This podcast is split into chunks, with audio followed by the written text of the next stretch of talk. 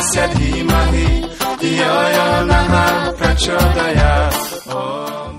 ik Ram Ram, dit is Mathura van Senaat en Hermnet. in het programma Sanatan en Dharmnet Bani. Het is vandaag Vragenvrijdag en dat betekent dat we vragen gaan beantwoorden die jullie via mail, via Twitter of via Facebook naar ons hebben gestuurd. We hebben vandaag twee vragen die wij gaan behandelen en de eerste vraag is van Kieren en Kieren vraagt, wat is yoga? En als yoga meer is dan de poses, wat is het dan precies? Nou Kiran, yoga, yoga of yog zoals wij het in Sanatan Dharma noemen, betekent verbinden. Het verbinden van je mens met Bhagwan, met het goddelijke.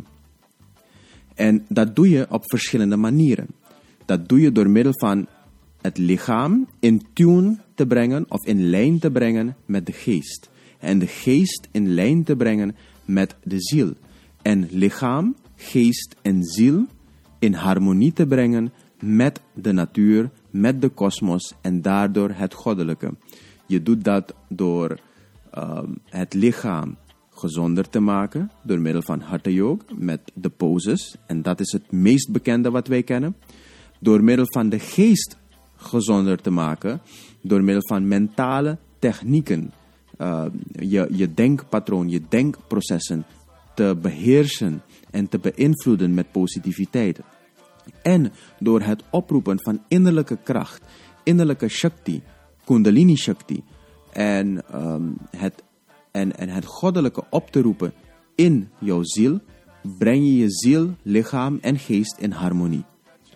Hierdoor ervaar je of ben je meer in lijn met de wereld om je heen, de natuur om je heen en het goddelijke dat niet alleen in jou aanwezig is. Dus Bhagwan is niet alleen in jou aanwezig, maar ook om jou heen aanwezig. En om dat te ervaren, om dat te voelen, doe je onder andere yoga. Nou, de meeste mensen die beginnen aan yoga, die denken niet in zichzelf van ik ga één worden met de natuur, of ik ga één worden met God, of ik ga God ervaren. Uh, en daarom ga ik aan yoga doen. Of yoga doen. En voor de makkelijkheid zal ik het gewoon misschien yoga gewoon moeten noemen hier. Uh, omdat we in het Westen gewoon yoga kennen op uh, die manier. En de meeste mensen niet weten wat yoga, als je gewoon yoga zegt, betekent.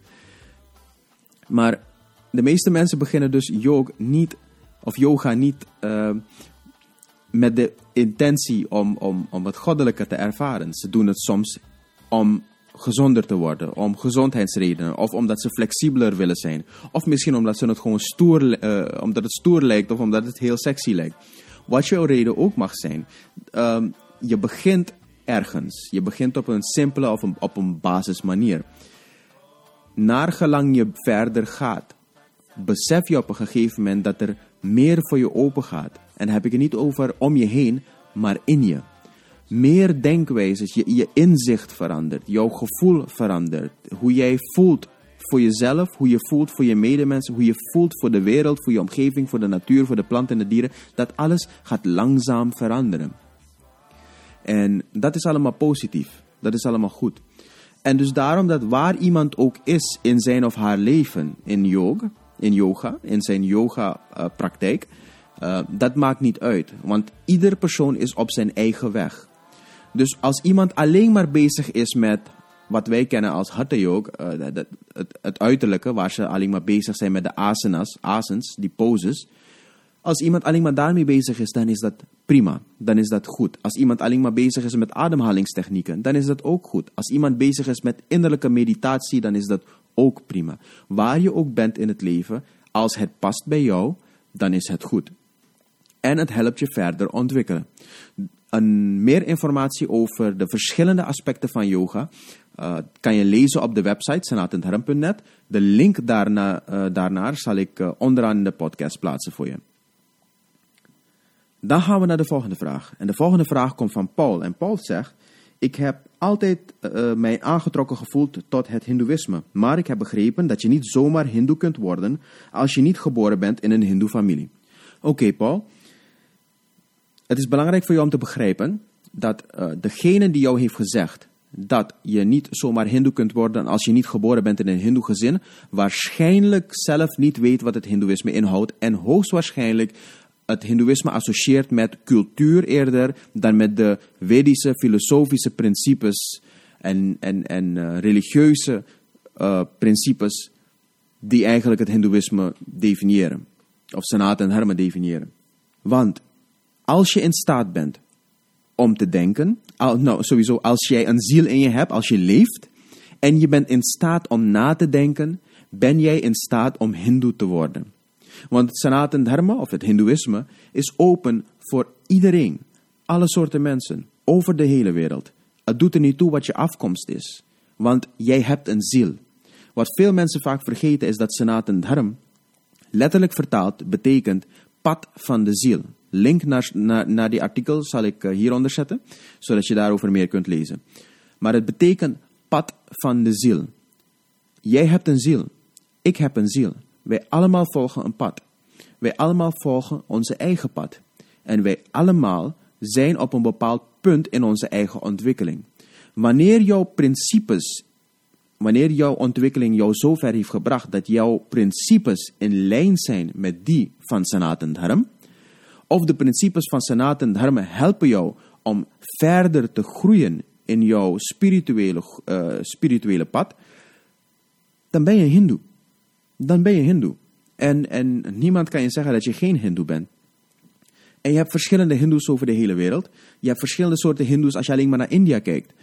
En um, je kan niet zeggen tegen de een van jij bent wel een hindoe omdat je op die manier bidt en jij bent geen hindoe omdat je op een andere manier bidt of je kleed je op zo'n manier, je kleed je niet op. Dat, dat doet er allemaal niet toe. Dus dat betekent dat als je hindoe wordt, er je eerder naar je innerlijk moet kijken dan naar je uiterlijk. Dus het hindoeïsme gaat jou niet vragen om, om uh, je uh, kleding te veranderen. Het hindoeïsme gaat je ook niet vragen om, uh, om um, ja, iets lichamelijks van je te veranderen. Laat me het even op zo'n manier zeggen. Dus je hoeft je niet te laten besnijden of iets dergelijks. zo, zo werken wij niet. Het hindoeïsme is, is niet een religie wat jou vraagt om je, dat, dat je je van naam bijvoorbeeld moet veranderen of van, van locatie, van woonplaats moet gaan veranderen of iets dergelijks.